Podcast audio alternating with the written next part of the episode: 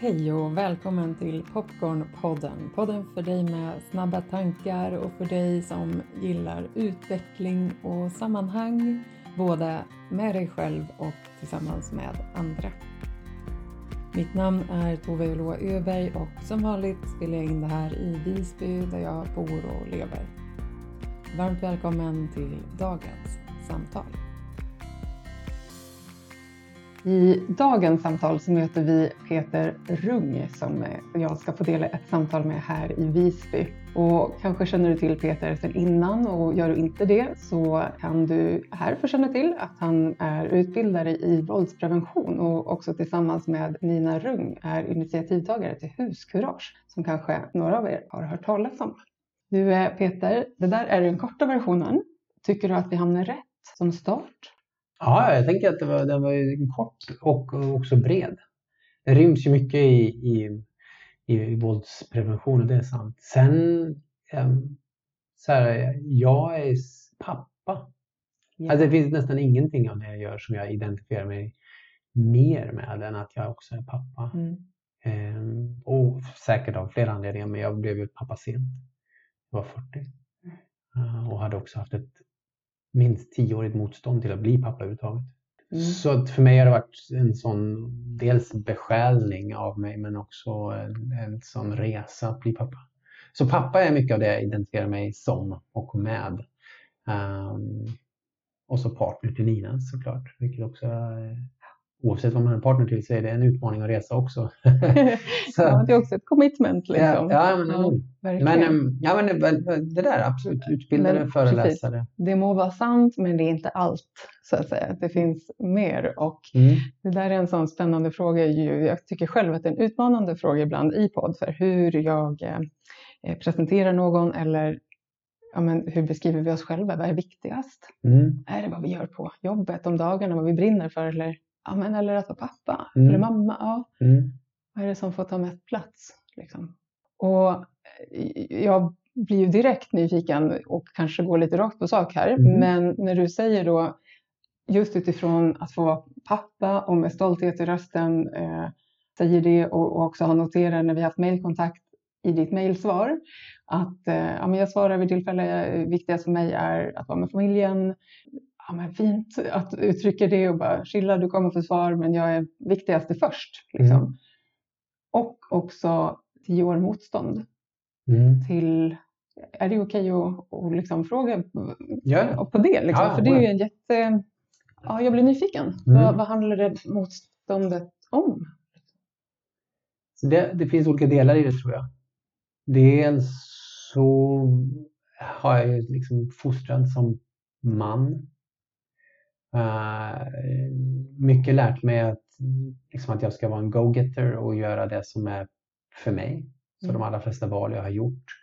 Hur skulle jag säga, så här, hur, hur andra än har uppfattat dem som att jag är väldigt generös eller snäll eller hjälpsam eller så har det alltid varit ett fritt val att vara det.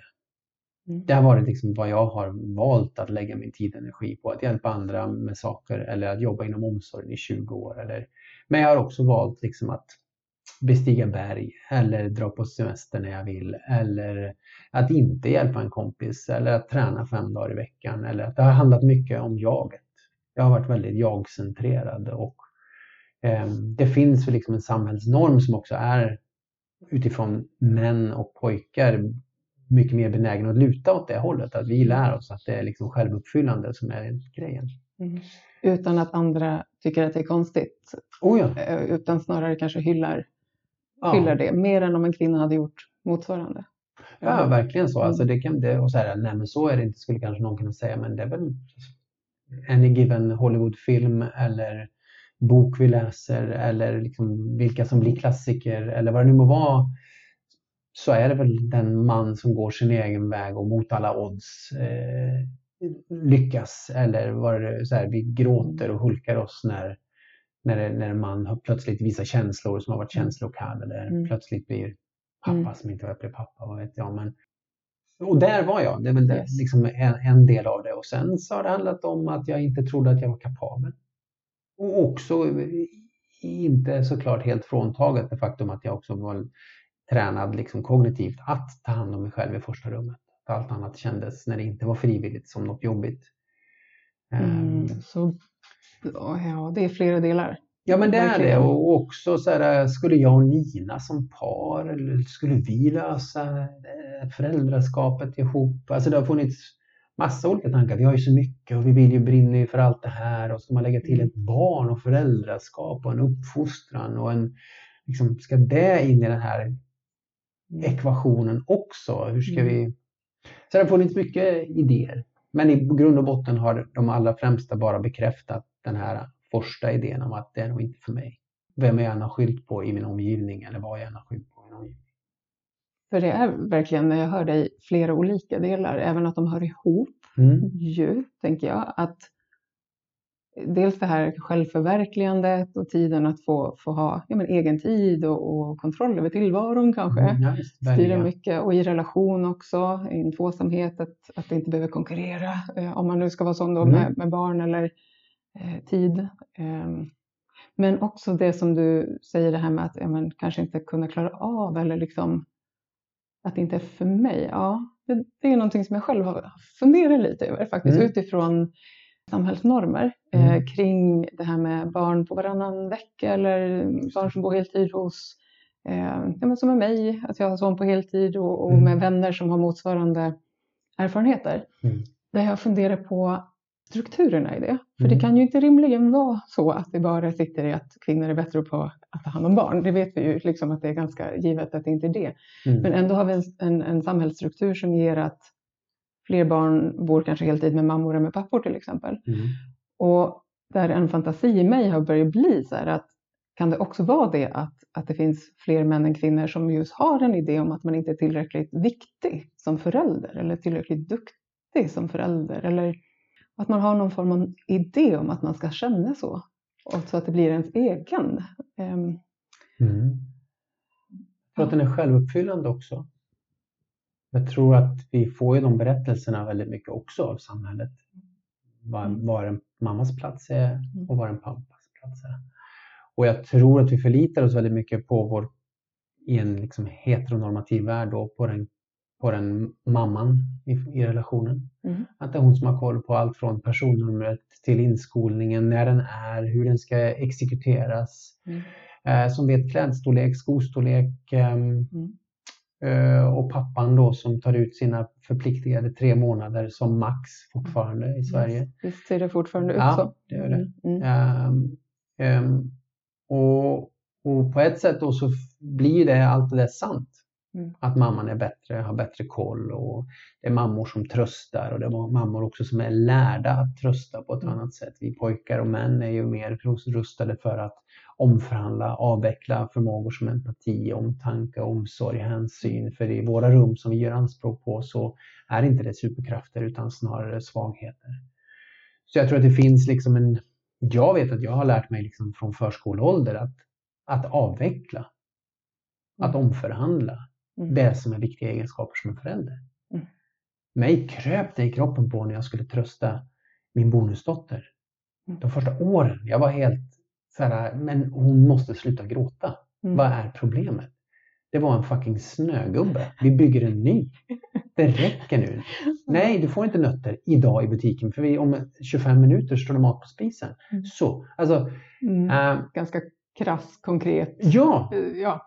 Vilket jag kan relatera till att jag också kan gå in i, för, alltså verkligen. Men, men där jag hör det som att det blir nästan ett lidande att se det här barnet gråta, att trösta, att det blir svårt, ja, nästan ja. omöjligt att hanterar. Så. Ja, och framförallt vad det, vad det har gjort med mig. Och nu har jag gjort en resa inom det som är en av mina viktigaste resor som vuxen och förälder. Det är att förstå att jag behöver, och det ska jag också säga, att det är ju en resa som jag försöker och fortfarande gör som partner. Jag behöver inte lösa. Jag kan bara finnas där och lyssna. Mm. Det är inte så att hon kanske måste ha nötter nu. Hon behöver bara ha, bli hörd i sin önskan. Ja, ah, så du gillar nötter?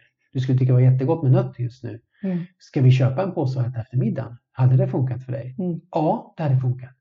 Toppen, jag mm. hör dig. Jag gillar också nötter. Nötter är gott. Vilka nötter tycker du är godast? Mm. Alltså, hela den prylen. Um, sen finns det liksom idéer, filosofier, teorier kopplat till gråt. Inte bara att liksom gråt per, faktum är, är liksom stressreglerande. Ehm, yes. Det vet vi liksom att det frigör viktiga ämnen i kroppen. Men, men också att man pratar om att det finns en bok som heter, ehm, måste jag tänka efter vad den heter, den heter, jag kommer komma på det, men den handlar om gråt. Mm. Och det handlar om att förstå gråt som en, en bearbetning av trauma mm. när det kommer till barns gråt. Yes. Och, mm. och att då avfärda gråt, som jag har lärt mig att göra, mm. att avveckla gråt, eller att konstant omförhandla gråt, det gör att vi inte hjälper eller läker traumat. Så när jag då som vuxen, som förälder, ska möta mitt barn och jag börjar hyscha, gunga, vagga, eh, distrahera, försöka omförhandla gråten, så blir inte mitt barn hjälpt. Mm. Det blir distraherat, omförhandlat, avvecklat. Mm. Men om jag sitter med mitt barn och låter henne gråta, eller honom, ännu viktigare med pojkar ska jag säga, för det, de kommer möta en tuffare värld när det kommer till gråt än, än tjejer och kvinnor. Mm. Men om jag då sitter, och det här har jag testat, om jag bara sitter tålmodigt låter henne gråta, det händer någonting i mm. kroppen. I bådas kroppar. Ja, jag är glad att du fångar det här. Det är jättefint att höra dig prata om det här. För jag tror att det här är ju verkligen inte bara, inte bara missförstå mig rätt när jag säger så, men viktigt mm. för barn. Mm. Vi är många vuxna som är uppvuxna med mm. att när vi grät som små hade slått oss upp igen, kör på. Ja. Eller ja, men vi gör något annat, distraherar sig, här ta en kaka. Mm. Eller släcka ut det, inte ja. möta det. Inte, inte överhuvudtaget alls. kanske också, verkligen inte få bli speglad i att det här är helt normalt och välkommet. Ja men precis, det att kanske... det är något som behöver ut. Vi mm. tittar inte på det på något Nej. som behöver ut. Nej. Vi tittar bara på något som är jobbigt att yes. hantera. Mm. Och då blir det såklart jobbigare att hantera det om vi möter någon, mm. även om den är typ tre år gammal. Eh, ja, eller typ noll. Eller noll. Men så här, ja. Boken heter Tears and Tantrums. Ah, fint. Tears and Tantrums heter boken. Uh, men, men det jag skulle också säga att för jag som jag gjort båda resorna, den ena att stå frustrerad och bara tänka, okej, okay, kan du bara få, få ungen att sluta gråta? Som jag då tyvärr var liksom sättet jag såg ske med min bonusdotter. När hon var, jag mötte henne när hon var två och ett halvt, tre. Jag hade jättesvårt för gråt. Jag hade jättesvårt för Ninas gråt. Jag grät aldrig själv och gråter knappt själv nu heller om jag inte blir superberörd av ett idolklipp eller talangklipp eller någonting Det är då det kan gå igenom. Liksom. Ja, men verkligen. Ja, det är ja. liksom breaks any barrier. Ja, men, men de har en poäng. Ja. När, när det kommer till att så här, okej, okay, nu gråter det känns, vi förstår inte varför. Att som vuxen bara så här, okej, okay, så det kanske inte finns ett varför. Det kanske bara är gråt. Kanske inte är... Och att acceptera att det får vara så. Det finns gråt som bara är gråt. Har varit livsförändligt för mig. Att sitta med Bonnie, hon gråter och vrider på sig, vill bort men vill ändå vara nära, men gråter och gråter och gråter. Som, liten, som, som ett par månader gammal bara. Mm. Men också som tre och ett halvt. Mm. Um, mer och mer sällan. Um, men att det, att det finns så här, jag hör gråten. Jag hör att den vill ut. Det är det den vill. Den vill inte bli hyschad, tröstad, omförhandlad, avvecklad. Och sen se Bonnie efter gråten. Det är mm. som att se, du vet, himlen blir blå efter ett regn. Yes. Solen strålar. Och bara att hon är så här, nu är jag tillbaks. Ja, tillbaka och eh, regnet sköljde bort dammet. Eller ja, nu ska alltså, säga. Det blir verkligen. rent. Eller? Jag har haft stunder där jag liksom suttit med gåshud 45 mm. minuter, svetten har bara runnit. Jag har bara väntat på att de ska få vara klar. Mm. Och helt plötsligt när hon är klar. Pappa, jag vill göra det här nu. som att det mm. inte hade hänt eller som att det mm. var det bästa som hade hänt. Ja, precis. Och det får plats samtidigt tänker jag. Och, och det jag hör blir någonstans det här att få vara välkommen med hela sig själv. Mm. Att den som vi är liksom inte måste anpassas till mm något som du eller jag måste stå ut med eller klara av och uppleva rätt. Ehm, mycket, mycket kärleksfullt. Ja, det är fint. Det här är, jag jobbar ju jättemycket med psykisk eh, hälsa, välmående, och ehm, stress, oro, ångest mm. på olika sätt. Och det här är ju återigen alltså det det är inte bara lätt att öva på det här, skulle jag vilja säga. Det, det kan ju kännas som kanske det sjukaste någonsin att göra det. Att gråta eller tillåta sig att gråta mm. eller att sitta bredvid någon utan att försöka distrahera, så jag, så jag, det blir bra. Mm. Att, att, bara tillåta gråt, eller egentligen vilken känsla den är mm. faktiskt. Även glädje och andra också, tycker jag. Men läkningen i det, alltså nivån av ja, men upplevelsen av livet på något sätt. Hur mm. mycket mer som blir möjligt att eh, uppleva. Det låter kanske lite sådär flummigt tror jag när jag, i min fantasi när jag säger det här. Men det finns enorm kapacitet på något sätt i att få tillåtelse i det här. I att eh, ja, men möta sig själv men också andra människor när det där är möjligt. Ja, jag, jag tror det ligger jättemycket i det. Jag vet Fredrik Zimmerman som pratar om nästan alla som jobbar med någon form av frågor kring normer men snävhet kopplat till maskulinitet och förväntningar på pojkar och män mm. pratar ju om så här, vi måste bredda repertoaren. Fredrik mm. Zimmerman jag pratar mycket om det, han tittar mm. på så här med antipluggkultur eh, och sådana saker. Så här, vi måste bredda repertoaren mm. för både flickor och pojkar. Mm, mm. Men vi måste få in mer saker i rummen. Och det är, ju, det är ju det jag jobbar med. Jag har ju mitt koncept som jag tyckte var fyndigt när jag kom på det för många år sedan, hette insidan boxen att vi måste tänka på insidan boxen, inte alltid utanför den. Yes. Alltså de här frågorna måste in i vår box, våra rum, mm. våra samtal.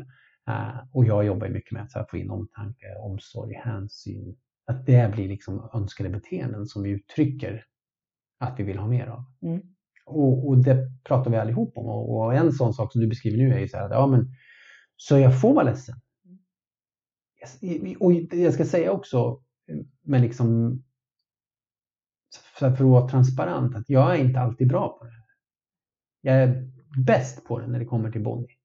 Och då menar jag inte bäst av alla. Jag menar bara att jag är bäst på det i, i relation till mig själv. Och vi kanske inte alltid måste vara bäst på det även där. Vi, Nej, och, det är ju en del av att vara förälder, att liksom ja, öva på. Jag lyckas inte hela tiden, Nej, det är inte det jag säger. Jag säger bara att ja. är, jag, är jag bäst någonstans på det så är det i min relation till Bonnie. Och det finns en villighet att fortsätta utforska. Hela tiden. Ja. Men jag kan i samma, samma dag, i samma stund som jag är bäst på att vara tillåtande i Bonnies känslouttryck, så kan jag vara avfärdande i hennes stora systers. Och, och jag ser att det har påverkat. Jag ser att det har påverkat min relation med hennes stora syster. Jag ser att det påverkar min, min yngsta dotters, eller vår yngsta dotters relation till sin stora syster. Jag ser att det påverkar min lilla systers relation till sina egna känslor. Där, hon, där vi hade liksom sagt till stora systern, men kom igen nu, gjorde det verkligen så ont? Behövdes det där skriket? Mm. Behövdes det där gapet? Behövdes det den gråten mm. för det där? Samtidigt så har vi gått in i nästa rum, låtit Bonnie gråta. Och helt plötsligt när Bonnie är två och ett halvt eller tre så säger hon Men Manja, du gråter ju för allt. Eller så säger hon Det gick bra, det gjorde inte ont. Mm.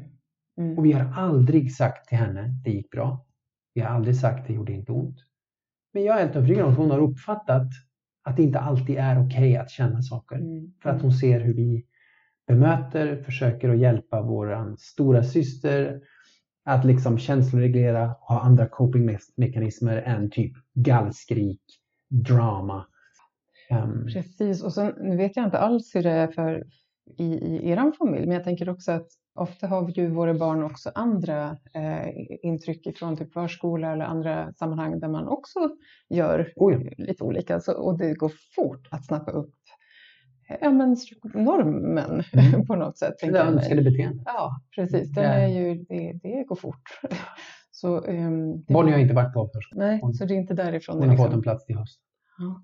Och just den här, jag hör liksom medvetenheten i och det är jag på inget sätt särskilt förvånad över, men det här med att trots att vi försöker och, du och ni hörjare som försöker verkligen att vara aktiva liksom i hur, hur ska vi göra här? Hur vill jag möta mitt barn i de här frågorna? Trots det så är det faktiskt ganska svårt tidvis. Ah. Och att det är liksom, ja, jag gissar när, när du säger det, att när du vill säga att ja, men, jag lyckas inte alltid med det här och att till de som lyssnar att också ge ett så här schysst, som lite snällare ingång till det här, att man inte presterar ihjäl sig med det här, att det blir någonting man slår på sig själv om man inte lyckas, utan mm. det fina är ju att vara uppmärksam med frågan. Det är ju fantastiskt i grunden, tänker jag. Ja, alltså jag håller med om det. Jag, jag tänker att vi ska vara liksom generösare med varandra som föräldrar. Men jag tycker inte vi ska ställa mindre krav på oss. För jag menar att nej, jag, jag håller med om den grejen. Så här, jag, jag får misslyckas. Jag gör det hela tiden. Men jag slutar inte ställa höga krav på mig själv. Jag vill, jag vill inte hamna i, och till den som nu är där vill jag också liksom försöka vara tydlig. Så här, jag vill inte vara en good enough förälder. Jag vill vara better than good enough. Mm. Alltså verkligen så. Yes. Jag vill fan kämpa. Mm. Och det gör vi allihop. Ja, alltså mina hjältar precis. är det typ människor som du, ensamstående föräldrar. Jag, jag kan vara trött som ett as efter två dygn ensam med mina barn. Så mm. tänker jag så här, oh, så, och, och, faktiskt så är det liksom min hjälp på axeln. Det är mm. när jag tänker på mina väninnor eller människor jag följer på Instagram eller andra som jag vet är så här, de är ensamstående. De har ännu färre luckor, andningshål, tid för återhämtning, reflektion med en partner. Mm. Um, Mm.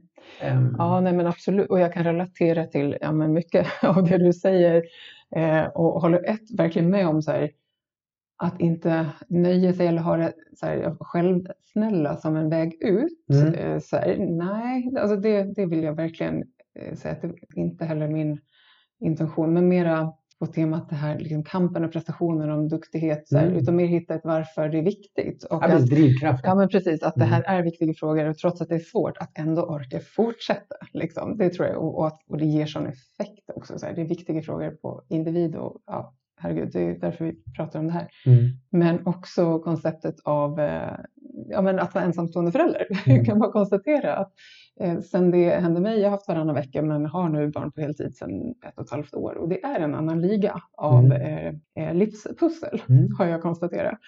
Eh, det borde finnas medaljer eh, för ensamstående mammor men det roliga är ju det att jag nu inte ens definierar det som en grej längre. Nu börjar jag bli så van. Så nu tänker jag att de som är ensamstående föräldrar som har typ fyra barn, de är hjältarna. Du vet att hela tiden ja. där att vi förflyttar också idén om oss själva i kontext eller i förhållande mm. till andra. Eh, på något sätt får jag upp som... Ja. Det finns ju utmaningar med det som är vare sig singel eller med barn på heltid eller mm. inte. Ehm, som singel nu så får jag ju också vara konstant trygg i mitt hem Mm. Till exempel, jag behöver inte förhålla mig till eventuell partner där det kan eh, ge sig över tid eh, otrygghet eller kontroll och sådana här saker mm. som är jättevanligt mm. ju också att uppleva. Eh, jag kan välja hela mitt liv väldigt stort, i stor utsträckning självständigt. Liksom. Mm. Så det är på många sätt en, en enorm glädje. Är, är, du med mig på hur jag... Ja, oh ja. så, så, det finns sån, ehm, det är en dubbelhet mm. i, i de här, man kan se det på olika sätt. Det är många som upplever um, att det inte är så tryggt att komma hem. Ah, ja. Till exempel. 10 procent av alla barnfamiljer i Sverige har liksom våld ja. i familjen. Precis. Uh, så, så det är klart att, det, att, att de, man är, eller vi är förhoppningsvis hellre trygga och ensamma än lever i otrygghet mm. och risker för våld och utsatthet. Mm. Mm. Och samtidigt som vi vet ganska mycket att det är starka processer mm. ju, som mm. gör att det inte alltid är så lätt för den som upplever våld att lämna eller att sluta Verkligen. utöver det också ja. för den delen. Eh, och ens definitionen av, tänker jag. Mm. Det här ordet våld, det kan låta eh, jag tror att det kan väcka olika associationer mm. i oss, vad det betyder och, och, hur många av oss skulle definiera att vi är våldsutövare till exempel. Mm. Ja, verkligen. Um, och jag tror också att det finns Alltså, jag håller med om det du säger och jag tror också det lägga till på den reflektionen, vi är hellre trygga och ensamma än otrygga och utsatta för våld i en relation. Hellre behöver inte betyda att det är det vi väljer. Vi kan fortfarande välja att vara kvar i en otrygg relation där vi riskerar att utsättas för våld och övergrepp eller otrygghet. Och inte för att vi inte heller skulle välja något annat, utan för att det är det bästa alternativet för oss av andra anledningar. Så, yes. så det kan fortfarande betyda att jag skulle vilja vara med samma person fast utan våld, ja. utan utsatthet, utan yes. övergrepp. Och det vet vi också med, med våld och normaliseringsprocesser och hela den biten att risken är större att jag slutar älska mig själv när jag är utsatt för våld än att jag slutar älska den som utsätter mig. För det är så normaliseringsprocessen går till. Det är mitt värde som försvinner och avvecklas och omförhandlas, inte hans eller hennes som utsätter. Och jag tror också en, en supervanlig myt som jag har liksom också blivit så här medveten om och fått en förståelse för och kunskap om sen vi började jobba med frågan om våld för tio år sedan. Det är också att den som är mest utsatt för våld i relation, det är inte kvinnor i min ålder eller äldre. Jag är 44. Det är unga tjejer mellan 16 och 24 som är de som är mest utsatta för våld i relation. Och då pratar vi återigen om det du var inne på. Så vad är våld? Det kan mm. vara att bli kallad för hora, fitta, bli begränsad, bli kontrollerad, mm. ekonomiskt våld. Mm. Det finns mängder av våld. Behöver inte vara liksom sexuella övergrepp och, och fysiskt våld i första hand. Men någonstans på skalan så, så, så blir det liksom nästan eh, det återkalliga slutet på det. Mm det är så många saker som händer i mig när vi pratar om de här frågorna. Dels det som, som du säger med den vanligaste, högsta risken för att uppleva våldsutsatthet, 16 till 24 mm. års ålder. Jag läste den statistiken ganska nyss, om det var via dig eller någon annan, det minns jag inte. Men det var, jag minns att, att det liksom eh, stannade kvar hos mig för att det är ett tag sedan jag läste den typen av statistik faktiskt. Och ja, men jag blev lite matt handen på hjärtat av det. Att mm. så här, men gud, i en tid där det är så många grundläggande relationer som eh, läggs i livet. Mm. Där livet i stort också skulle kunna få vara jävligt härligt. Mm. Punkt. Liksom. Att också, det kan det ju vara också, men att parallellt kanske då ja, visar det sig för ganska många eh, ha de här lagren av att faktiskt inte vara trygg på olika sätt. Ganska stor sorg i det faktiskt, att uppleva menar, att få det så svart på vitt. Bra att få det svart på vitt såklart, men mm. jag tror att min fantasi också hade varit att det var vanligare i ja, men, 35 uppåt. Ja, ja verkligen. Och det, och det är väl så som samhället också har återspeglat det åt oss. Alltså alla bilder på en kvinna utsatt för våld i relation. Eller alla, mm. Det är ju oftast en blåslagen äldre kvinna när vi ska prata om våld i relation. Mm så att tusen möjligheter, unga relationer och LN-centret som har tagit fram den här statistiken och tittat på den hjälpt oss förstå det. De har gjort ett superhäftigt jobb ju, mm. som, som också skulle kunna vara det faktum att, eller hjälpa oss med det faktum att vi får färre som utsätts för våld i relationer med 35. Yes. För att de fattar tidigare i yes. livet att det här är våld. Yes. Det är våld att bli mm. knuffad, sparkad på, eh, hemskickad från krogen eller festen eh, med din jävla någonting. Ja, eller bara tystnad. Det har jag egen erfarenhet av, att, eh, att en partner kan liksom tystna och bli så här tjurigt sur. Och det ja. är ett ganska starkt maktmedel kan ja, jag konstatera. Verkligen. Då går man gärna hem faktiskt, för det sänker stämningar väldigt effektivt. Mm. Och det kan jag tänka tillbaka i mitt liv, så att fan, det är inte helt ovanligt. Alltså. Att det får, får sätta stämningen och kanske till och med passera förbi utan kommentar från omgivning. Mm. Så när jag nu ser tillbaka på det, så okej, okay, intressant. Och det är där jag tänker att det du gör i ja, men, heltid liksom, och tillsammans med Nina, att, om jag förstår det rätt, mm. att det är väldigt mycket precis de här sakerna som ni är ute och föreläser om och fångar upp både i ja, men, bostadsrättsföreningar och mm. idrottslag och alla möjliga håll. Hur det här kan ta sig uttryck och hur man kan, eh, hur man kan göra annorlunda. Mm.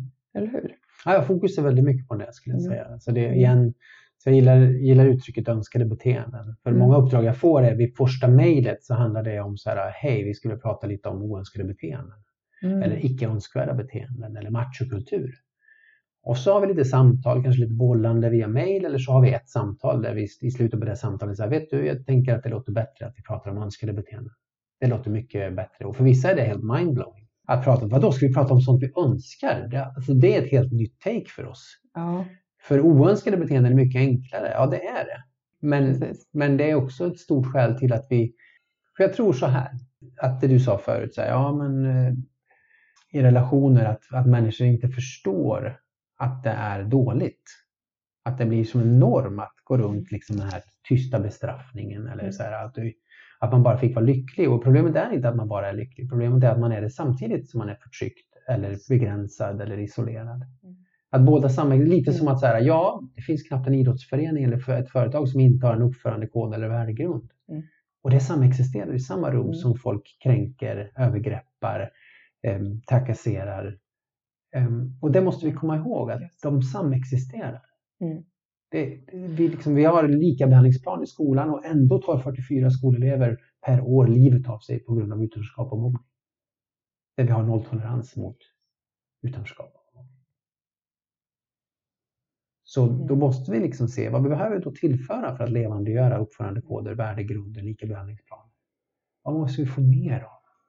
Ja, och, och, ehm, på temat önskade beteenden så blir det också väldigt mycket mer konkret många gånger mm. än, än eh, de här planerna som kan hamna lite grann i olika dokumenthanteringssystem mm. snarare. Även om de har sin poäng, det tycker jag mm. verkligen. Eh, 100 procent. Mm, men också det här önskade beteenden. Det finns någonting väldigt glädjefyllt i det, tycker jag. Alltså en, mm. en energi av kraft mm. i att rikta fokus på det som vi vill mer av. Mm. För det har ju vi en tendens att göra lite extra mm. mycket av. Det känner jag själv bara när jag liksom nyss satt ord på sorgen över att höra den här statistiken och inser mm. det. För det är sant i mig, men det finns en helt annan kraft i energin. Hur skulle jag då vilja ja, att visst. det såg ut? Hur vill vi ha det? Ja, men jag tror också att det är så här, vi måste Eftersom, om vi utgår från, Bo Haleskov sa det här vid en föreläsning, känner du till honom? Mm. Mm. Yes. Så han sa det vid en föreläsning. Eh, då hade jag jobbat i omsorgen i 20 år. Jag tyckte, eller jag hade väldigt mycket bra idéer. Jag liksom var med och utvecklade bemötande sätt och, och liksom la strukturer för liksom boenden på gruppboenden och liksom byggde liksom modeller för hur vi skulle jobba och varför. Och så sa han vid ett tillfälle, och han, jag tycker att han var duktig på att sätta ord på väldigt mycket av det som för mig bara hade varit abstrakta tankar eller så här, lite filosofiskt. Men han var så här, nej men det handlar om det här. Då sa han, det vi måste också komma ihåg är att oftast är det vi uppfattar som någons problemskapande beteende är någons lösning. Och det är liksom en sån skillnad i hur vi kan börja titta på beteenden. För om vi ser en stökig kille eller tjej i skolmiljö så kan vi titta på det som att så här, ja, han ställer till problem eller hon är, hon är för stökig, hon får inte vara i klassrummet. Eller så behöver vi titta på, okej, okay, vad är det? Vad försöker han att lösa med det här? Och väldigt ofta när jag är ute och tittar på, vi gör boxen och så ritar vi så här förväntningar på oss. Så skriver vi in dem och så ser man ju så här, mycket av det som är förväntningar på oss är ju sånt som är direkt dåligt för oss. Så hur kommer det sig att vi vill leva upp till de förväntningarna? Och då är det oftast gemenskap, tillhörighet, vi vill ha vänner, vi vill ligga, vi vill ha status, makt. Mm. Sen grundläggande mänskliga behov finns där bland. Det är bara skitstrategier. Så hur förändrar vi strategierna som kan ge oss samma sak? Ja, vi berättar vad vi önskar för beteenden av varandra som ger oss samma sak. Nej, du behöver inte vara tuff och cool. Du kan vara snäll och hjälpsam. Det kommer ge dig kompisar. Mm, ja, och det här, det kanske blir ett lite långt hopp. Du får hänga med mig på det ja. i så fall. Men, men jag tänker att någonting som du sa ganska tidigt i vårt samtal idag var det här med Eh, med känslor, att liksom ha blivit typ avlärd eh, känslomässighet eller mm. empati och, och sådana här saker som för mig eh, om jag möter en, en vän eller man, om vi liksom tänker oss i, i, i eh, dating, partnerskap så är ju det liksom, jag skojar inte, det är ju det är typ bästa som går att möta i en man. Så är det liksom det finaste som typ existerar så är ju det någon form av eh, ja, men känslomässig kontakt. För för mm. mig så blir det ganska ointressant om inte det existerar. Hur mycket det än finns av andra attribut i den här mannen. Mm. Så det blir en sån krock i, i att eh, det finns liksom en eh, norm som för många män fortfarande säger att var inte i kontakt med din eh, emotionella sida mm. därför att då är du omanlig. Medan jag vet ju mer än en kvinna på den här jorden som skulle säga, eller skit i kön egentligen, liksom, mm. men som så här, fast eh, jag håller inte med om det. Så här, jag önskar det beteendet hos mm. dig. 100 procent. Eh, mycket mer än avstängdhet eller vad det nu skulle kunna vara. För mig susar de här tankarna att det hör ihop på något sätt. Att, har vi en idé om att, som man, det är kanske en fråga också, så här, finns det liksom det här att vi gör normen till vår egen? Att, att vi tror så mycket då, som män till exempel, att vi inte ska få uttrycka känslor, att, att det blir verkligen, verkligen sant, trots att det finns väldigt många som ju längtar mm. till den typen av kontakt. Även i åldern 16 till 24 skulle jag oh, eh, verkligen, känner jag. Ja, men jag tror, det jag hör att du undrar är, finns det någonting som det är något paradoxalt där ju, att mm. alla önskar en empatisk man som är i kontakt med känslor eller partner kan vi säga istället för att vara mer inkluderande. Yes. Eh, och Trots det så är det så många av oss som omförhandlar och avvecklar mm. män. Då. Och hur kan de två samexistera? Och jag tror att det ena inte utesluter det andra i någon form av tankeidé. har du sett um, Kärlek för första ögonkastet? Eh, Eller ja, Gifta vid första ögonkastet? Du menar, ja, absolut. Den svenska serien. Ja, Såg du säsongen som var senast? Eh, delar av den, inte hela. Ja, det var det ju en kvinna, jag kommer inte minnas några namn i det här. Men det var en kvinna som i sin beställning beställde typ, ja men jag vill ha en stor välbyggd man som kör typ grävmaskin eller som, som är så här, skogsarbetaren. Just det, jo, det, mm, jag minns. Ja. Och han ska ha nära till känslor, vara empatisk, mm. gärna feministiskt liksom insiktsfull. Och det är ju typ ett superstort glapp däremellan. För hon gör anspråk på värden i samma rum som de inte existerar. Normen. Eller som normen inte normen hittills har tillåtit. Min, min förhoppning och fantasi är att det finns jo, många män där. Men att det kanske ännu inte är det vanligaste. Ja, men verkligen så. Och är det så, och det är bara att titta på så här byggnads och byggchefernas och allas, liksom all forskning som görs inom det, eller studier, intervjustudier inom byggbranschen till exempel, som är mansdominerad. Mm. Samtidigt som vi har en massa idéer om önskade beteenden mm. så får vi inte till det. Man har jobbat med Stoppa matchkulturen-kampanjen sedan, jag vet inte, 2013 kanske. Mm. Om det, ja, tror det kanske till och med ännu tidigare. Där man pratar om så här, vi vill inte ha de här beteendena, vi vill inte ha rasism, sexism, homofobi. Vi vill, de måste, grejerna måste bort. Man har pratat jättemycket om oönskade beteenden. Och ändå, så fort man får in mångfald utifrån kön, etnicitet, religionstillhörighet, så sticker de efter ett tag. För jargongen, kulturen är en annan än strategierna.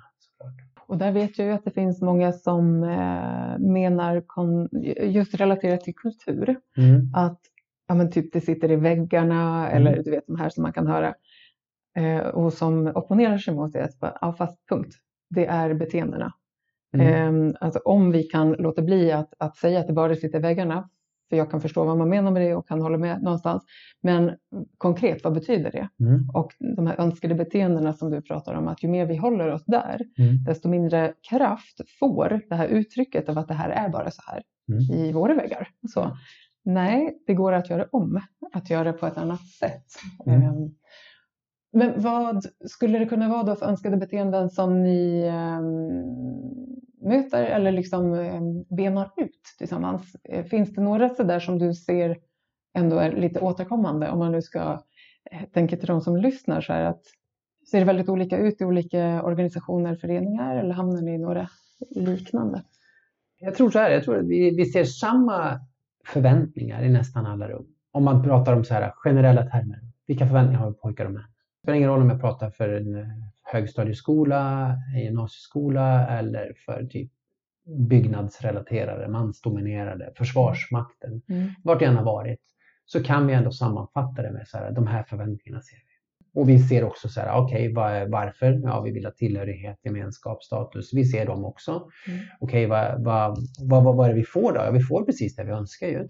Inte alla. Det ska man också komma ihåg att det finns liksom även normer är ju på något vis i hierarkier. Så yes. det finns ju några som får liksom de högst flygande frukterna eh, och sen finns det några som får nöja sig med bottenskrapet. Alltså män är överrepresenterade i, i beslutsfattande positioner, makt och politisk makt men och, och liksom ekonomisk. Men vi är också överrepresenterade i hemlöshet, ensamhet, eh, suicid. Yes. Eh, så, så allt det där sker samtidigt. Så en svårighet med att säga vi måste prata om män. Mm. Det är att väldigt många män är inte den typen av män som har fått och erfarit alla de här privilegierna. De har typ erfarenheter som är annorlunda. De har blivit bortvalda av flickor sedan högstadiet, gymnasiet, sedan nattklubben. De har blivit trashade av andra snubbar. De har sett hockeykillarna i högstadiet eller gymnasiet liksom få ligga med alla de snygga tjejerna. Mm. Vad nu det är som är snyggt. Men du, mm. ja, du fattar, alla Absolut. de grejerna. Absolut. Mm. Så, och alltid någon som drog det lite längre, som var lite värre, som inte bara snackade skit om kvinnor utan som också var otrogen, köpte sex, gick på strippklubbar. Mm. Och de allra flesta var inte den typen av snubbar. Så när vi hör så här, män är dåliga, så här, ja, det kan jag hålla med om, men inte alla män. För jag är inte en av the bad guys, tycker någon då. Nej. Sen säger jag, okej, okay, så om min nästa fråga är, du, hur har du bidragit för att förändra? Uh, ingenting. Jag har bara jobbat så mycket jag bara kan med för att försöka själv vara valbar och överleva. Yes. Att undvika att bli trakasserad eller eh, kallad för namn eller vad det nu må vara i klassrummet, omklädningsrummet. Eh, försökt liksom glida med för att få vara med de coola, tuffa, eh, populära killarna. Och, och, de allra flesta av oss delar den erfarenheten. Yes. Inte att livet har varit en räkmacka. Nej, det, det kan jag verkligen eh, tänka mig. Nu är jag ju inte man, så att jag Nej. kan ju inte prata utifrån egen erfarenhet på det, men jag kan tänka att som eh, vit kvinna mm. så har jag ju ändå en privilegier där som jag knappt är medveten om. Det blir ju jättesynligt för mig, bland annat utifrån det som händer gränsen Ukraina-Polen för tillfället. Mm. Att jag på riktigt inte har förstått nivån av hur sjukt eh, rasistiskt vi håller på, mm. till exempel. Mycket som kommer upp på det temat just nu och då mm. tänker jag så här, jag inser ju inte mina privilegier innan, innan jag blir uppmärksammad på dem eller att jag själv kliver ur någon form av eh, berättigande. Till mm. exempel om jag skulle, eh, jag har svårt att hitta ett bra exempel just nu, men, men någonstans är vi människor försöker ju ändå att leva så nära eh, den här tillhörigheten, gemenskapen som möjligt, att få del av gruppen och, och har vi en viss makt så vill vi gärna ha kvar den. Mm. Och makt har sig lite olika uttryck liksom också. Det kan ju vara status i utbildning eller utseende eller vad det nu är. Okay. Det är väldigt få av oss som skulle säga nej, jag är inte intresserad av att ha kvar det. Jag vill tappa status, hamna längre. Det ju, tror jag inte någon frivilligt skulle, skulle göra, men vi är inte ens medvetna om vilka de attributen är. Nej, men jag tror, jag. verkligen så. Jag tror det, det, det är en jättebra jämförelse med så här, ja men, eh, vit kvinna och alla dina privilegier. Men fortfarande så har du haft fullt upp med din begränsade, ditt begränsade livsutrymme, Jajamän. med att känna dig otrygg, med att konkurrera med män om att vara valbar på en arbetsplats, med eh, som ensamstående mamma, så, alltså vad det nu må vara. Eh, ADHD också, funktionsnedsättning. Ja. Ja. Alltså, och, kvinnlig chef. Alltså jag, ja. jag kan lista många saker. Verkligen. Men förstår du? Så, så att det är också så här, när vi har fullt upp med den egna utsattheten. Mm, exakt.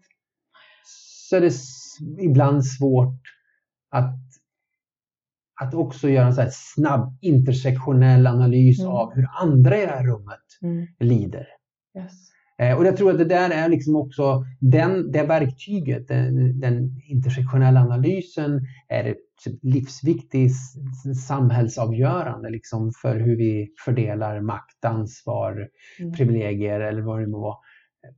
Och vi behöver också få med den in i förståelsen för varför det är svårt att få med oss folk och när jag säger folk så menar jag, varför är det svårt att få med oss män i den här kampen? Varför har vi inte fler män som står på barrikaderna för jämställdhet och jämlikhet? Varför kämpar inte fler och höjer rösten för att mäns våld mot kvinnor ska upphöra?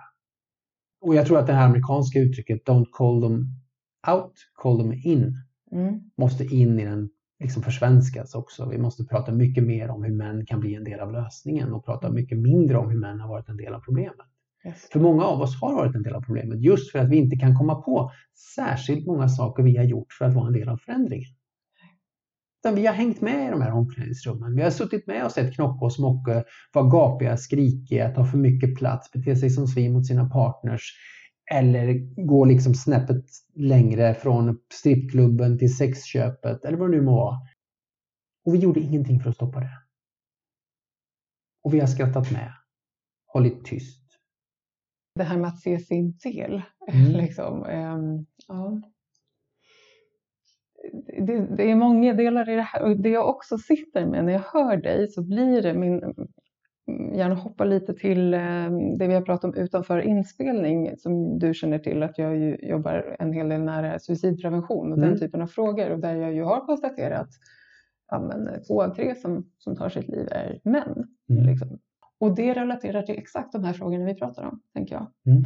Att till exempel eh, män över tid här på jorden inte har kunnat få uttrycka behov, känslor, eh, få vara svaga, sårbara, missförstå mig rätt mm. nu, verkligen raljerar när jag säger det. Inte sökt hjälp för depressioner, till exempel. Och, och det här har vi liksom svart på vitt i statistiken hur det går då. Mm. Ganska djupt viktig fråga att jobba med på många plan, verkligen. Och där jag själv har funderat, men hur, hur kan vi prata, hur kan jag prata om det här som kvinna också faktiskt, i att mm. nå ut med de kompetenser jag har till, ja, men till män och människor allmänt mm. med de här kompetenserna. Liksom, om, om värdet av att söka stöd i tid och att det på inget sätt skulle vara omanligt eller eh, ja, men, svagt oavsett kön. Det är fantastiskt modigt och, mm. och viktigt att söka stöd i tid om man, om man känner sig låg på energi i liksom flera veckor eller länge eller börjar fundera på, på att ta sitt liv. Mm. Ja, jag, och jag tror också att det är så här, igen, de önskade beteendena vi behöver mer av är också sådana som vi kan tillföra i samtalen. Mm. Alltså i det här samtalet, men, men mm. generellt i samhället. Mm, så vi kan ju stå och säga så här, men det är ju det är starkt att söka hjälp. Mm. Det är lätt att säga, men det är inte starkt att söka hjälp om jag är fostrad och präglad sedan jag var fem år, att det är en svaghet. Då blir det likfullt en svaghet. Yes. Men däremot så kan vi som samhälle upprepa att hjälp finns. Så här kan du söka stöd. Mår du så här kan du göra det här. Eh, gör du så där så kan du må så där. Alltså att vi ändå också informerade val Um, precis, för det, och, och, det är bra att du säger, för någonstans finns det en risk att så starkt och svagt också blir så polariserat. Och, alltså på något sätt som att det blir något så här, måste allting vara modigt, måste allting mm. vara starkt? Bara, fuck it. Alltså lite grann så här, det måste väl inte vara så mycket alls. Men jag tänker också att en av utmaningarna just med hur vi mår är ju också normalisering. Mm. Det är ingen, eller ja, ingen ska inte säga, men det är ju ändå inte det vanligaste kanske att man vaknar eh, från att ha varit 100% awesome, frisk och lycklig mm. till att vara så här, suicidal dagen efter. Det, det, finns ju gånger där det går lite fortare och gånger där det eh, tar liksom längre tid. Men vi vänjer oss också med vårt mående. Ja, eh, på normaliseringsprocess är det också. Ja. Eh, och då är det klart att man inte upplever det så himla modigt nödvändigtvis. Ja, nej, de här orden, ord är ju Ja, men jag tänker att man skulle snarare prata om det som viktigt mm. eh, än modigt. Mm. Och, och, att det, liksom är så här, det handlar om att vi behöver för fler att förstå också så här att eh, det är ingen stor grej. Alltså det är mänskligt att gå och fråga så här, hör du, så här, ja men nu har jag haft ont i huvudet här i två veckor, varför har jag det? Mm. Eh, istället bara för att fortsätta omförhandla. omförhandla. Så här, är det något som inte känns bra? Fråga. Och det är liksom budskapet till alla oavsett kön. Så här, är det något som känns annorlunda, något som är konstigt, något som inte funkar som det har gjort alltid? Eller, och också så här, har du en vän som, som, som mår så här eller gör så där? Så här kan vi prata med den personen. Och att det får finnas på arbetsplatser, att det får finnas liksom som övergripande på kommunens hemsida och i kommunikation på liksom så här, eh, reklamplatser i staden. Att vad det nu må vara. Att så här, fler som berättar. Vi vet ju att människor är motstånd utifrån förväntad hjälp. Att så här, response-based practice som Ellen Wade och Linda Coates i Kanada har forskat på, så här, den är jag helt övertygad om går att föra över på alla de här grejerna. Så här, om, om alla i skolmiljön, förskolemiljön, på arbetsplatserna pratar om så här, mår du så här, gör så här. Så kommer vi med större mm. sannolikhet att göra det också. Yes. Så vi måste få in samtal. Mm. Att våga prata om tror jag. Även ja. när det, ju tidigare desto bättre. Innan, innan vi ja, har liksom satt de här strukturerna så hårt på något sätt. Så det tror jag ju, eller vet vi också faktiskt, att det gör skillnad när vi pratar om de här sakerna. Ja. När vi vågar fråga, ja, men hur mår du eller hur känner du, är du trygg hemma eller mm. de här liksom, psykisk ohälsa eller våld, alltså de ligger också nära länkade, verkligen. Oh ja. Att våga fråga, att det liksom inte är farligt.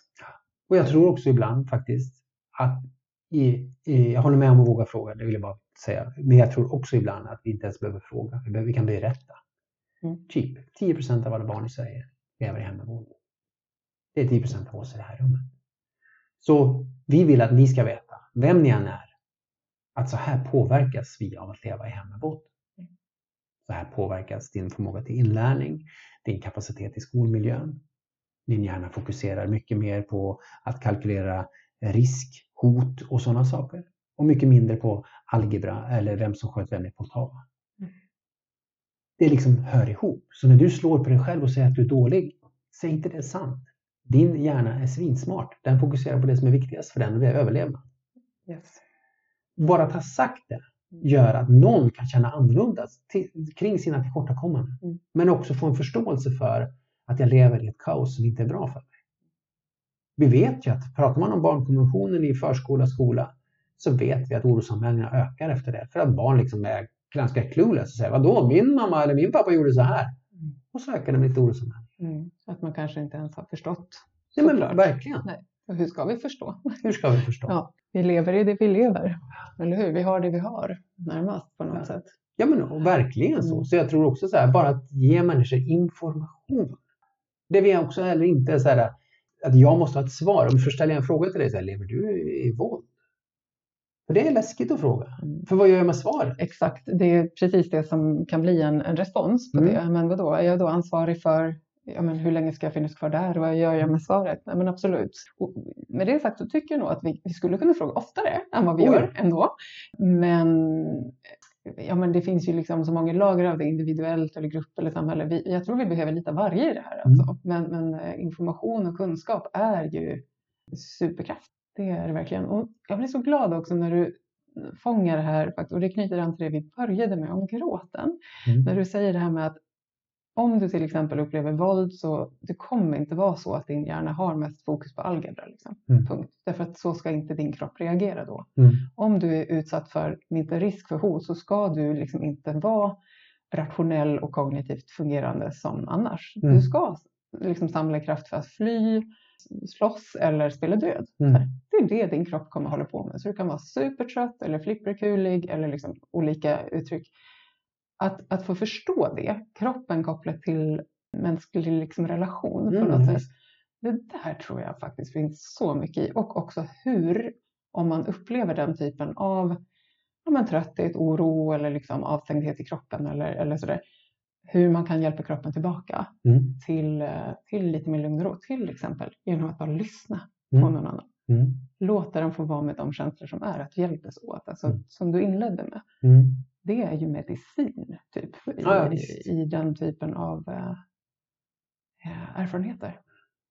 Det hade jag personligen och då är jag ändå jag är socionom, jag kan väl en del, men de här sakerna har jag ju lärt mig senare mm.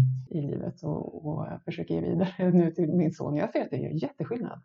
Rekommendation till också er som lyssnar att utforska mer kring, kring de här sakerna om man inte redan kan lite grann om rimliga reaktioner i kroppen, helt normala Ja, men det är också kopplat till här, att vara förälder, att förstå att möta barn där de är. Och nu pratar vi inte om att du måste leva ett hem som är trasigt eller knasigt, utan så här, bara förstå kognitiv förmåga. Mm. Mm. Att, att ställa orimliga krav på våra barn är liksom vuxnas största misstag i livet. Så här, att, att tro att en åttaåring ska ha den kognitiva förmågan att hänga upp sin jacka när den kommer hem från skolan och sen att konflikter varje dag eller ett par gånger i veckan för att jackan hänger i hallen. Släpp det. Mm. Det handlar om kognitiv förmåga. Mm. Vid 14 års ålder kommer det här hända. Kanske 16. Mm, och då tror du att tjat lönar sig. Det gör det inte. Det är kognitiv förmåga. Alltså, så jag tror också att det handlar om så här, att läsa på om det. Alltså, jag har kompisar som har läst på mer om vilken TV de ska köpa än, än liksom, hur barn funkar inför att de ska bli föräldrar. Eh, det är helt orimligt. Mm. Eller att tro att vårt liv inte ska förändras när vi blir föräldrar. Att vi inte ska få göra uppoffringar. Eller att vi inte ska säga, nej men jag ska nog fortsätta träna fyra dagar i veckan och jag ska försöka gå bio någon gång i månaden med kompisar. Ja, eller inte. För om du väl kliver in i det här rummet och genuint gör jobbet som det handlar om att bli en omvårdande, omsorgsfull, omhändertagande och engagerad förälder så kommer du också faktiskt per kognition att prioritera annorlunda. Att känna tillfredsställelse av helt andra saker. Det här är en resa som du genuint också vet för egen del, eller hur? Ja, att det är precis det här som du har eh, liksom utforskat. Från att inte ha har riktigt sagt ja yeah, till att bli förälder till att nu känna ett stort sånt eh, ja. ja eh, verkligen. Men att ha gjort om en hel del av tidigare idéer, eller hur? Ja, och, och genuint så tränat. Träna och jag var frustrerad. Jag, hela första året när jag såg min jag hade 25 års träning med så fem dagar i veckan minst som jag tränade. Styrketräning eller löpning eller fotboll har liksom varit en del av mitt liv sedan jag var typ 12. Och det var också min övertygelse om att så kommer det fortsätta. Det kommer fortsätta vara viktigt för mig. Mm. För det är den här känslan i kroppen. Men ett halvår, ett år in i föräldraskapet så är det en större tillfredsställelse att veta att mitt barn har fått mat, min fru har fått vila, min bonusdotter har fått, alltså så här, och jag nu när jag är så här fyra år in i föräldraskapet så är jag så här, jag längtar inte längre till att det är ett svettigt pass på gymmet som jag trodde skulle vara liksom min största. Nej, jag kan få samma tillfredsställelse av så här, ha Bonnie på axlarna två timmar senare när vi har gått runt havet eller vid södra hällarna eller grillat mm. en korv vid Ekstakusten. That's it. Yes. Liksom omdefiniera och, och tillåta att det kanske känns också.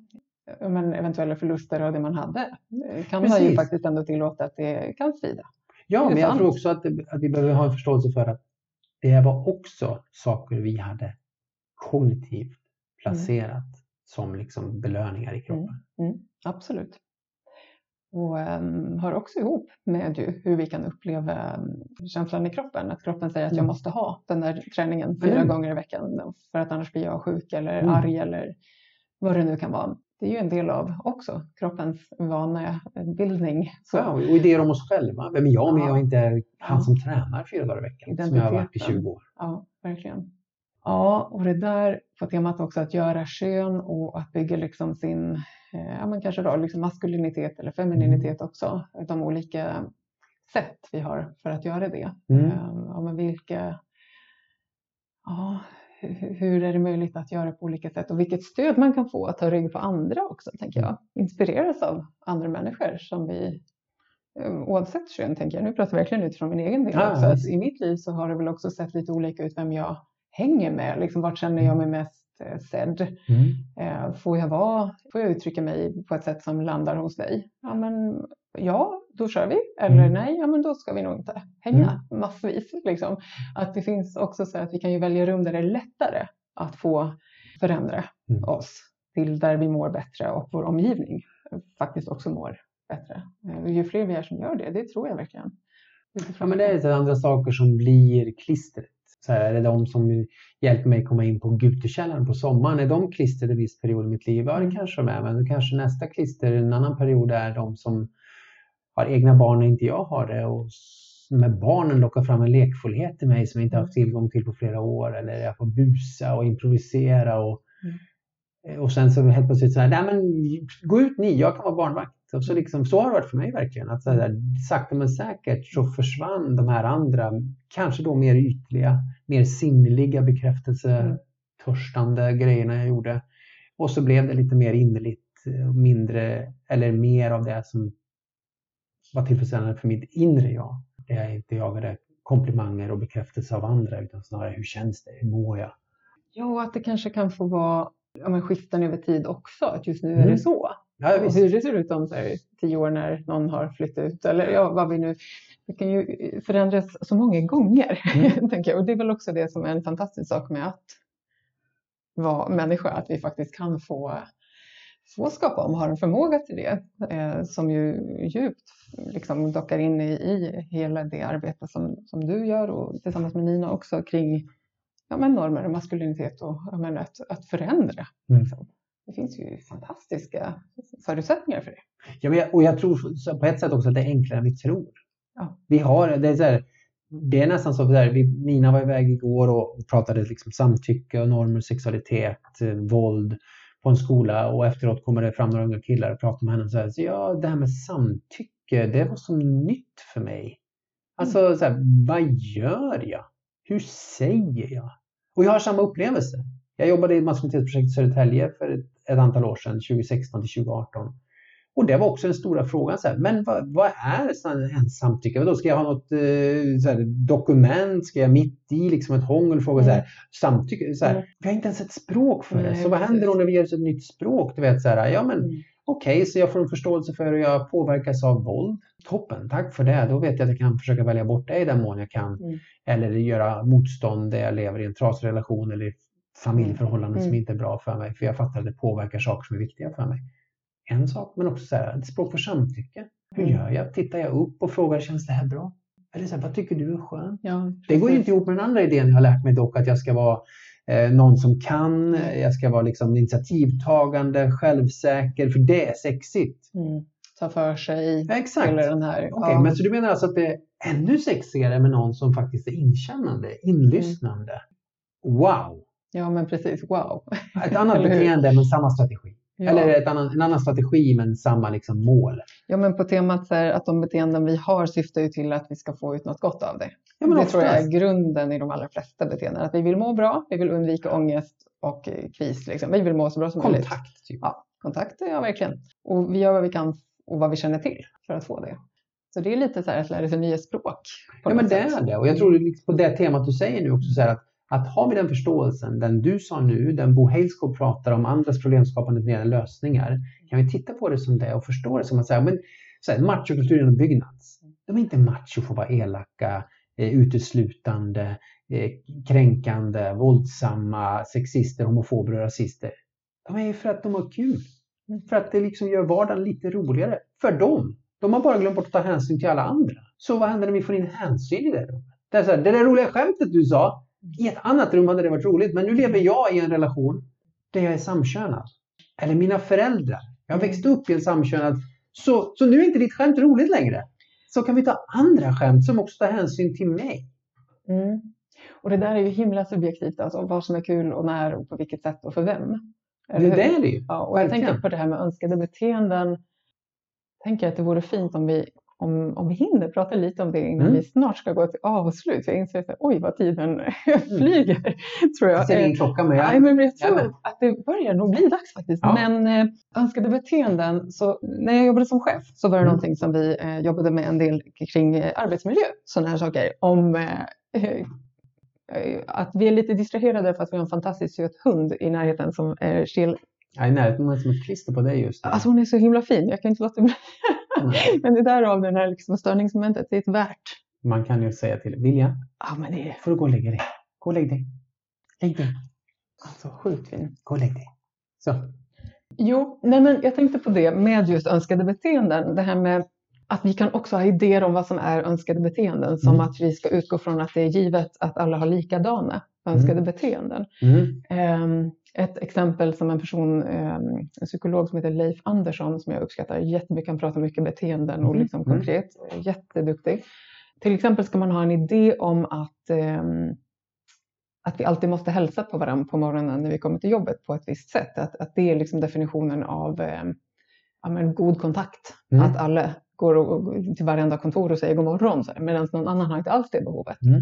För mig är inte det ett önskat beteende. Jag vill komma och landa med en kopp kaffe. Sen om en kvart vill jag hälsa på dig för mm. då är jag på mm. plats. Och, och, han problematiserar det lite så som jag uppfattar honom att, att vi kan behöva titta på absolut önskade beteenden men vi kan inte utgå från att alla kommer tycka samma sak kring vad som är ett önskat beteende. Och, och hör också ihop med samtycke, tänker jag. Mm. Eh, och, och, där är ju en rimlig sak att fråga, vad vill du? Mm. Men att en individ kan ju behöva någonting i ett önskat beteende. Gruppen kan vara överens om en idé om ett önskat beteende, men det blir ju först klart och tydligt om vi kan enas om någon form av lägsta nivå kanske. Vad är okej? Vad är vi alla överens om? Är ett, ett liksom baslager att bete sig på ett visst sätt, att det är schysst. Sen kan vi ju lägga till extra att du mm. Peter vill gärna ha det på det här sättet och jag Tove behöver. Liksom. Men jag tänker superspaning och du som chef har säkert den erfarenheten också. Eller som tidigare chef då, nu är du din egen chef. Men, ja, men, men, verkligen så, så att, att, en gemensam lägsta nivå någonstans. Mm. För det kan ju vara precis som du mm. beskriver. Mitt hej måste få vara lika okej okay som ditt hej. Mm. Så, eh. så länge som det inte skadar. Ja, men exakt. Eller hur? För det är, ju, det är ju sådana saker vi kan hamna i här. Ja. ja, men jag önskar mig det här. Ja, men jag har ingen lust alls. Ja, fast ja. det här, då blir det ju dåligt för mig. Mm. Alltså, ja, visst. Eh, det finns en hel del att nysta i, eller hur? Ja, jag älskar ju det här. Jag tänker också att det går så mycket i linje med, eller det liksom parar sig så bra med andra saker. Jag har, har du läst Gary Chapmans bok Kärlekens fem språk? Nej, men inte hela boken, men jag känner till den ja. Eh, och innehåll ungefär. Ja, mm. och jag tycker att det är ett superspännande mm. koncept. Ju, mm. att han, han menar på så här att du och jag, om vi skulle vara ett par, så kan vi ha olika kärleksspråk. Yes. Mm. Och det kan vara eh, tid tillsammans, bekräftande ord, tjänster och gåvor eh, och fysisk närhet. Yes. Det är de fem kärleksspråken han pratar om.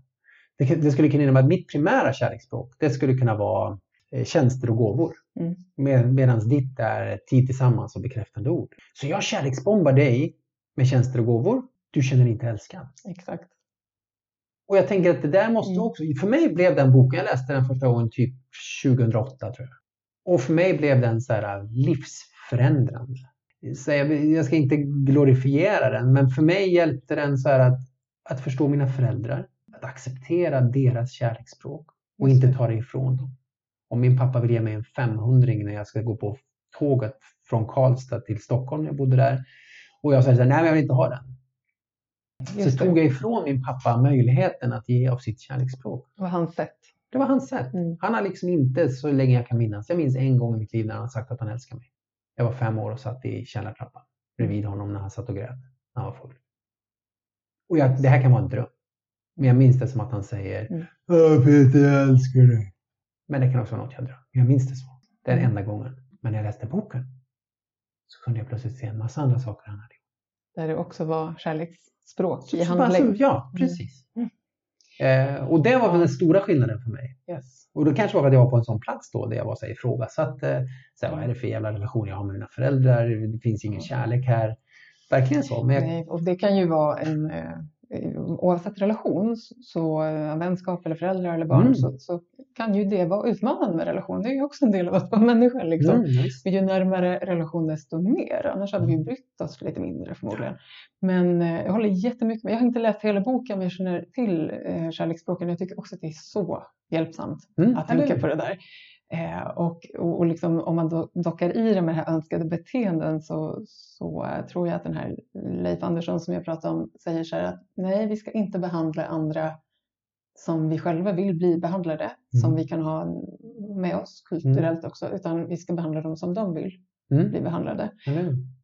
Sen kan man ju liksom tänka olika saker i nyanser på det här såklart. Eh, vi kanske inte ska behandla varandra om, om, du ber mig om något som jag verkligen inte kan ge, då så, mm. Nej, tyvärr, så här långt kan jag gå. Mm. Men, men att det finns liksom någonting gott i att växla mellan det där. Att se mm. att den här 500 var visst ett kärleksspråk. Mm. Men nu i, i en ny vänskap eller så, så kan man ju utforska men vad är viktigast här? Att mm, ja, exakt. Ja, så det är verkligen fint att kunna ha det som hjälp både i gamla och ja, nya kontakter.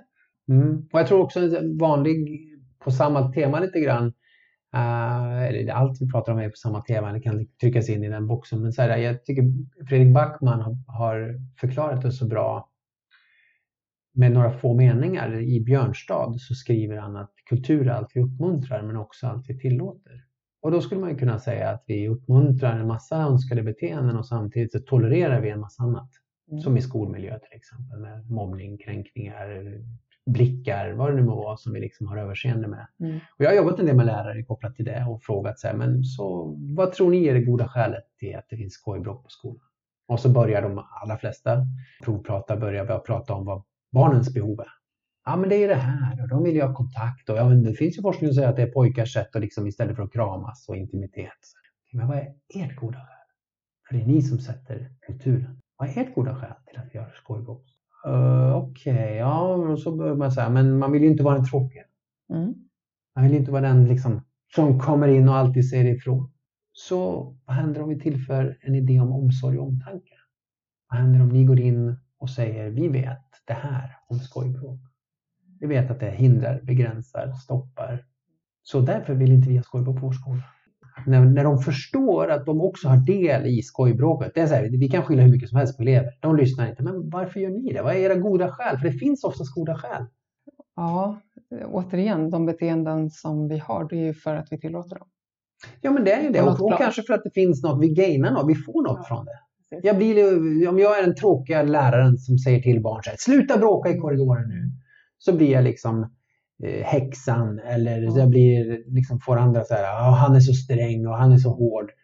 Men säg okej, okay, men om det tillför omtanke i den att se till. Ja, precis. Men, men det kan ju både vara det att du blir kallad häxan eller den här tråkiga. Um, det finns ju olika sätt att få bestraffning, mm. liksom, relationellt eller mänskligt. Och mm vad vi än, alltså de flesta av oss är ju ändå så ganska ointresserade på ett ganska djupt mänskligt plan av att bli utanför eller bli ansedda som krångliga och riskera att bli utanför flocken. Sådär. Så, eh, och ibland så blir det klart och tydligt uttryckt. Mm. De där sakerna, ibland blir det inte det. Eh, det kan hända på tystare, subtila sätt också. Men ehm, att ha stöd i andra då mm. också. Inte liksom ja, balansen där blir så här, ja men ingen annan ville, då gör inte jag heller. Ja, så här, nej, utan mer så här, hur kan vi ta rygg på varandra? Ja, visst. Hur kan vi hjälpas åt eller så där. tror verkligen, jag har nog sagt förut under den här stunden, liksom, men att, att prata på det här sättet. Eh, jag är helt övertygad om att ge ringar på vattnet. Ja, jag märker superstor skillnad i de mm. rum jag verkar i. Liksom, att det blir dels bara att tillföra omtankesperspektivet. Mm. Eller prata mer om hänsyn än om respekt. Väsensskilda grejer för mig som också uppfattas som väsensskilda när vi mm. faktiskt förändrar. Så här, ja, just det. Vad händer om vi pratar mindre om att du ska respektera mig? Och mer om att du ska visa hänsyn. Just mm. det, mer empati, mer omtanke. Ja, och behoven. Ja. Att jag skulle önska det här just nu. Jag behöver det här. Ja. Oh ja. Det är till och med det mjukare. Um, för jag kanske inte alla gånger kan kräva att du gör som jag vill. Mm. Eller hur? Alltså, jag kan alltid uttrycka mitt behov, men mm. jag kan inte alltid räkna med att du kommer vilja göra likadant som jag vill. Men utifrån att jag ändå uttryckt det så kan jag ju mer välja nästa steg då i alla fall. Ja, ehm, på något sätt och det blir tydligare. Ja, det låter ju så här skolbokslätt. Men det är ju också Men, NASA-svårt. Ja. För att det är ju så dessutom mm. när, vi, när vi börjar prata om saker som är så abstrakta som behov och känslor. Mm. Och jag säger abstrakta för att jag är, jag är tränad i att omförhandla och avveckla mm. de båda sakerna. Så när jag är 40 och knappt kan beskriva vad jag känner så kan jag ännu mindre beskriva vad jag behöver. Så det är också en mm. sån resa som, ja. jag, som jag gör som vuxen nu. Att jag så började identifiera, okej okay, vad känner jag? Jag känner det här, vad kan det bero på? Ja, det kan bero på att jag saknar ömsesidighet. Att jag mm. saknar, att jag längtar efter kontakt. Att jag har ett behov av förutsägbarhet. Alltså massa mm. sådana saker. Men vad som, är ens det där? Ja, ja men, och, ja. och det blir ju knappt mer konkret än om man då gör den här resan och försöker koppla. Jag känner mig arg, men är jag arg? Jag kanske snarare ledsen. Varför är jag ledsen? Jag känner mig överkörd. Okej, okay, så vad är behovet? Ja, att jag vill vara inkluderad. Allt som, som spelar på det pianot som hjälper oss att hitta mer språk, fler ord, beskriva vad vi behöver och vad vi känner. Det måste in i de här rummen som idag saknar det. Alltså som skolmiljö, som idrottsmiljö, som, sorry to say, men mansdominerade yrken och säkert också en del kvinnodominerade yrken. Men men vi vet att det stora problemet är i de mansdominerade yrkena mm. och branscherna. Vi vet att det är omklädningsrum med killar och män. Vi vet att de fyra främsta riskmiljöerna för att utveckla kränkande och våldsamma beteenden finns inom lagidrott för pojkar och män, men också att det tenderar vad som sker i en byggbarack eller på en arbetsplats med bara pojkar och män. Det mm. finns liksom där. Mm. Att prestera, att vissa känslor är tillåtna, mm. heterosexismen och sen den här mm. grabbiga jargongen som aldrig ger utrymme för att säga jag hade en sån jobbig natt i natt med min familj eller mm. hade en tuff helg. Jag har en pappa som är alkoholist och han är bara... Alltså så, här, så då måste vi skapa utrymme för det. Kanske som du sa med incheckningar, hur vi mm. hälsar, hur vi säger mm. hej, att vi mm. frågar hur vi mår istället för hur vi gör. Eh, att man liksom till, gör små, små pauser, hållplatser. Ja, men på olika sätt. För jag tänker så här, eh, för det finns ju mer än en eh, grej vi har pratat om som liksom går att mm. vika av på andra följdfrågor. Alltså, ja, jag känner likadant. Det är jättemånga saker. Jag skulle utan problem kunna fortsätta eh, ganska länge och spela in med dig. Men eh, ibland är det ändå så att det är bra att gå till avslut mitt mm. i detta fina. Eh, och då känns det också viktigt att de som lyssnar nu och som kanske inte mm, förut har lyssnat eller liksom vet var de hittar dig. Mm. Om du skulle vilja berätta lite var man kan eh, fortsätta att följa dig och det du gör. Så dels bor jag på Gotland, så vill man hitta på något roligt eller något spännande och viktigt här tillsammans så finns jag ju här. Mm, jag finns på LinkedIn. Peter Rung heter jag där. Jag finns på Instagram. Där söker man på mitt namn. Yes. Um, och sen kan man alltid mejla. peter.huskurage.se Superbra. Och huskurage har vi inte ens pratat om. Nej. Går det att ta den korta versionen på det? Ja, men det, det är absolut. Huskurage som hisspitch handlar ju om att tillföra mer omtanke och omsorg i, i våra flerfamiljshus, trapphus. Att få människor att agera vid oro för våld i en relation eller oro för att, att barn eller vuxna far illa av närstående. Mm.